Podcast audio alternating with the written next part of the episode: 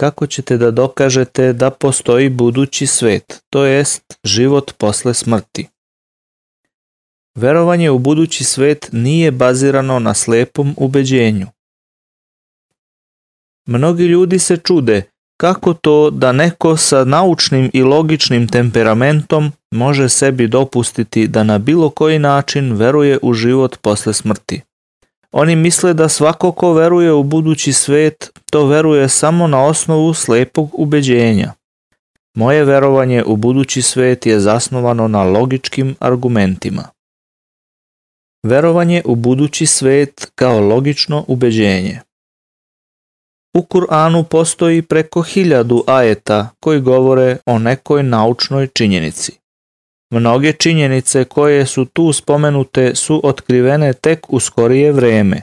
Međutim, nauka još nije na nivou da potvrdi sve ono što u Kur'anu piše. Pretpostavimo da je 80% od onoga što u Kur'anu piše dokazano kao 100% istina. U vezi preostalih 20% nauka ne daje nikakav konkretan stav – pošto ni sama nije došla do stepena da može te navode da potvrdi ili da negira. Sa našim ograničenim znanjem nemamo prava ni za jedan jedini procenat od navedenih 20 procenata reći da je naučno netačan. Pošto se za 80% kuranskih ajeta sigurno zna da su naučno tačni, a za 20% se može reći da nije nađen ni jedan naučni dokaz protiv – sasvim logično bi bilo priznati da su i ovih 20% kuranskih ajeta naučno potpuno tačni. Postojanje budućeg sveta koji se spominje u Kur'anu spada u spomenutih 20%, a za koje mi logika kaže da su potpuno tačni. Koncept mira i ljudskih prava je beskoristan bez koncepta budućeg sveta. Da li je krađa dobro delo ili loše? Običan i normalan čovek bi rekao da je loše. Kako bi neko ko ne veruje u budući svet uspeo da ubedi moćnog i uticajnog kriminalca da su pljačka i nezakonito prisvajanje novca loše stvari? Pretpostavimo da sam ja najmoćniji i najuticajniji kriminalac na svetu, a istovremeno sam jako inteligentan i spretan. U tom slučaju ću reći da je krađa dobra, jer mi omogućava voditi luksuzan život. Znači, krađa je sa moje tačke gledišta dobra stvar. Ako mi bilo ko da logičan argument da je krađa loša stvar, momentalno ću da prestanem da budem kriminalac. Ljudi uglavnom daju sledeće argumente. Pod A. Krađom se nanosi šteta oštećenoj osobi. Neko će reći da se opljačkanoj osobi nanosi šteta i donose poteškoće. Svakako ću se složiti da je krađa loša za pokradenog, ali ta ista krađa je dobra za mene ako sam kradljivac. Ako ukradem hiljadu dolara, moći ću sebi da priuštim dobar ručak u nekoliko najluksuznih restorana. Pod B. Neko će te opljačkati. Neko će mi reći da može da dođe dan da i mene neko pokrade. Međutim, to je nemoguće. Niko me ne može pokrasti jer sam najmoćniji kriminalac i imam na stotine telohranitelja i čuvara. Ja mogu svakog opljačkati, ali mene niko ne može. Krađa može biti riskantno zanimanje za običnog kradljivca, ali ne za mene, jer sam vrlo moćan i uticajan. Pod C. Policija može da te uhapsi. Ako budem nastavio da se bavim ovim poslom, policija će da me uhapsi, tako mi kažu neki ljudi. Međutim, policija mi ne može ništa jer se i ona nalazi na mom platnom spisku. Na mom platnom spisku se nalaze i ministri. Slažem se sa tim da će običan kradljivac da bude uhapšen i to je loše za njega, ali ja sam poseban, vrlo moćan kriminalac. Dajte mi bar jedan logičan razlog zašto bih prestao da se bavim ovim poslom. Pod D. Krađa je lak novac. Neko će prigovoriti da je novac zarađen krađom lak, da nije zarađen mukom i radom. Potpuno se slažem sa tom konstatacijom. To je zapravo i razlog zbog kojeg se bavim ovim poslom. Ako neko može da bira, hoće li da zarađuje novac lako ili teško, svakako će da izabere lakši način da dođe do novca. Pod E. Krađa je nehuman čin. Neko će reći da je moje zanimanje nehumano i da bih se trebao brinuti i o drugim ljudskim bićima. Ja ću im izneti protiv argument u obliku pitanja. Ko je napisao taj zakon kojeg vi zovete humanost i zašto bih ga ja trebao poštovati? Taj zakon je možda dobar za emocionalne i subjektivne ljude, ali ja razmišljam na osnovu čiste logike. Briga o drugim ljudima mi ne donosi nikakvu korist. Pod F. Krađa je sebičnost. Neki ljudi kažu da je krađa sebičnost. Istina je da je krađa čin sebičnosti, ali zašto da ne budem sebičan kad mi to pomaže da uživam u životu? ne postoji logičan dokaz da je krađa loše delo. Videli smo da su uzaludni svi logički argumenti kojima se želi da se dokaže da je krađa loše delo. Svi ti argumenti će da zadovolje običnog čoveka, ali ne i velikog i uticajnog kriminalca. Nijedan od tih argumenata ne može da se odbrani razumom i logikom. Zato nemoj da se čudite otkud toliki broj kriminalaca širom sveta. U isto vreme, sva nedela poput krađe, prevare i njima sličnih dela mogu da se uvrste među dobre stvari sa tačke gledišta kriminalaca. To je zato što ne postoji logičan dokaz koji bi ih uverio da je loše to što rade. Musliman ima sve potrebne argumente hajdemo zameniti strane. Zamisli da si ti najmoćniji i najuticajniji kriminalac na svetu i da na svom platnom spisku imaš policiju i ministre. Čitava armija ljudi te čuva. Ja sam musliman koji će da te ubedi da su krađa, prevara i nasilje zle stvari. Ako ti predočim iste, ranije spomenute argumente da je krađa rđavo delo, odgovorit ćeš mi na isti način na koji odgovaraju svi kriminalci. Slažem se da je kriminal logičan samo za onog kriminalca koji je jako moćan i uticajan. Svaki čovek želi pravdu.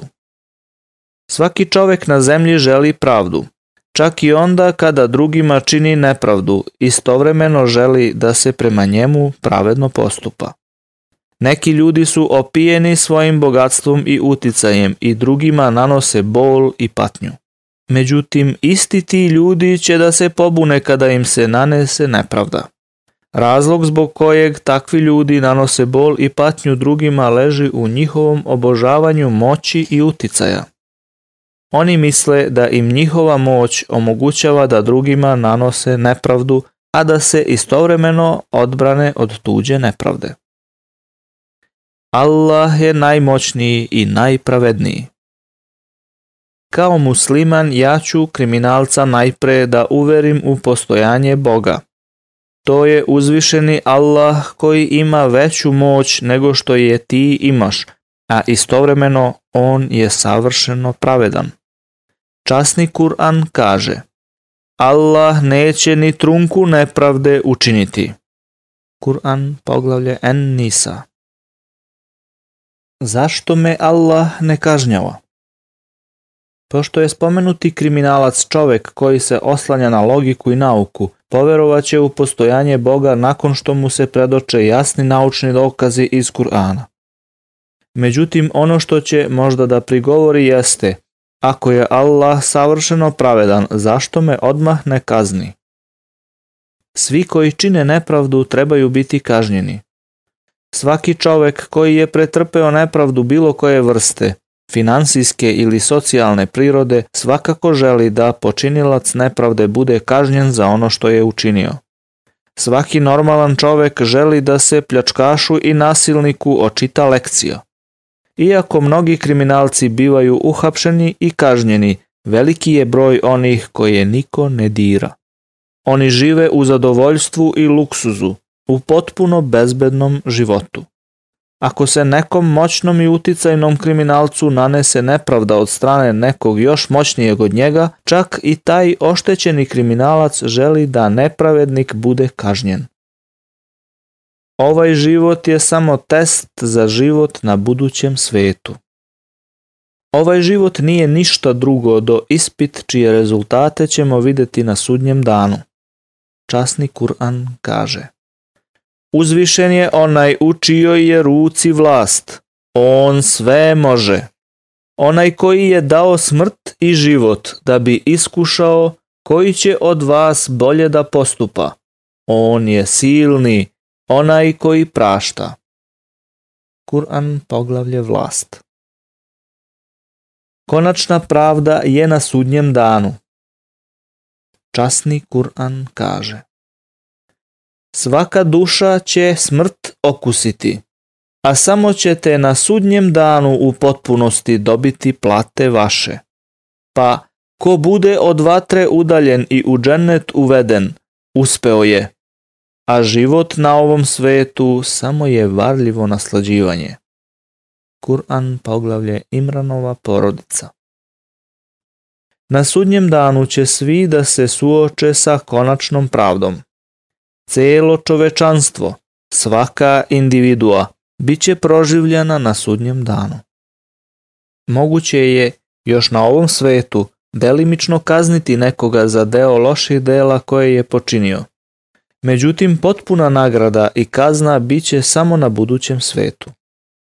Može se desiti da uzvišeni Bog ne kazni nasilnike odmah na ovom svetu, ali će svi nasilnici i kriminalci biti kažnjeni adekvatnom kaznom na budućem svetu, u životu posle smrti. Kakvom kaznom bi ljudski zakoni mogli kazniti Hitlera? Hitler je pobio preko 6 miliona jevreja tokom svoje terorske vladavine Nemačkom.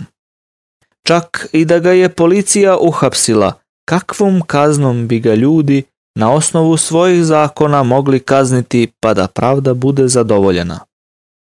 Najviše što bi mogli uraditi je da ga pošalju u gasnu komoru. Međutim, to bi bila kazna za samo jednog ubijenog jevreja a šta je sa ostalih 5 miliona 999.999 jevreja? Allah će na budućem svetu kazniti ubice za svaki oduzeti život. Uzvišeni Allah kaže u časnom Kur'anu. Doista one koji ne veruju u znamenja naša, mi ćemo u vatru baciti pa kada god im se kože ispeku, zamenit ćemo ih drugim kožama, kako bi kaznu osetili. Allah je doista silan i mudar.